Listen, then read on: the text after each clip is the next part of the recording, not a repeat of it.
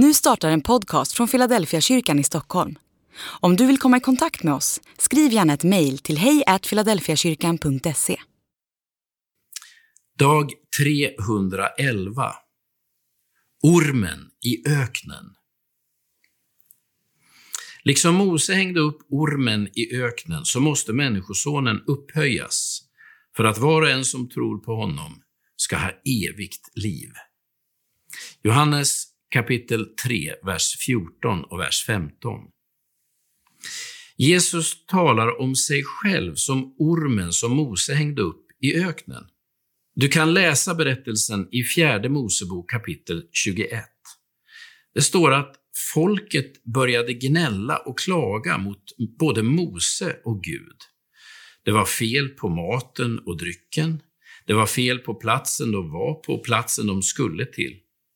Hur otroligt det än låter så ville de tillbaka till slaveriet i Egypten. Då låter Gud giftormar komma in i lägret och folk blir bitna och börjar dö av sina skador.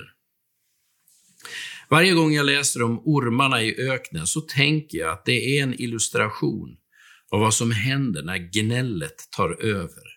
Gnäll är som giftormar som letar sig in överallt.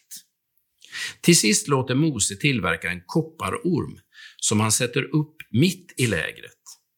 Den som blivit biten av en giftorm kan titta upp på kopparormen och blir då frisk. Det är denna berättelse som Jesus anspelar på i Johannes kapitel 3. Han säger att han är som den där ormen i öknen.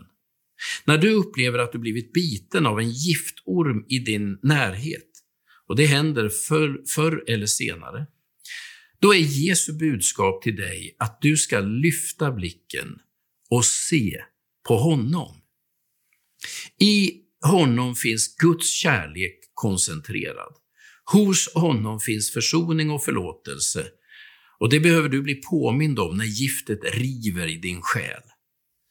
Den terapi som Jesus förordar är att du låter dig uppfyllas av honom istället för att själv försöka neutralisera giftet. Jaga inte ormar, men se upp så att du inte blir en själv. När du upplever att du är på väg att bli förgiftad, lyft då blicken och se på honom istället för att försöka skapa ett eget botemedel. Så kan man kanske sammanfatta behandlingen av ormbett enligt Nya testamentet.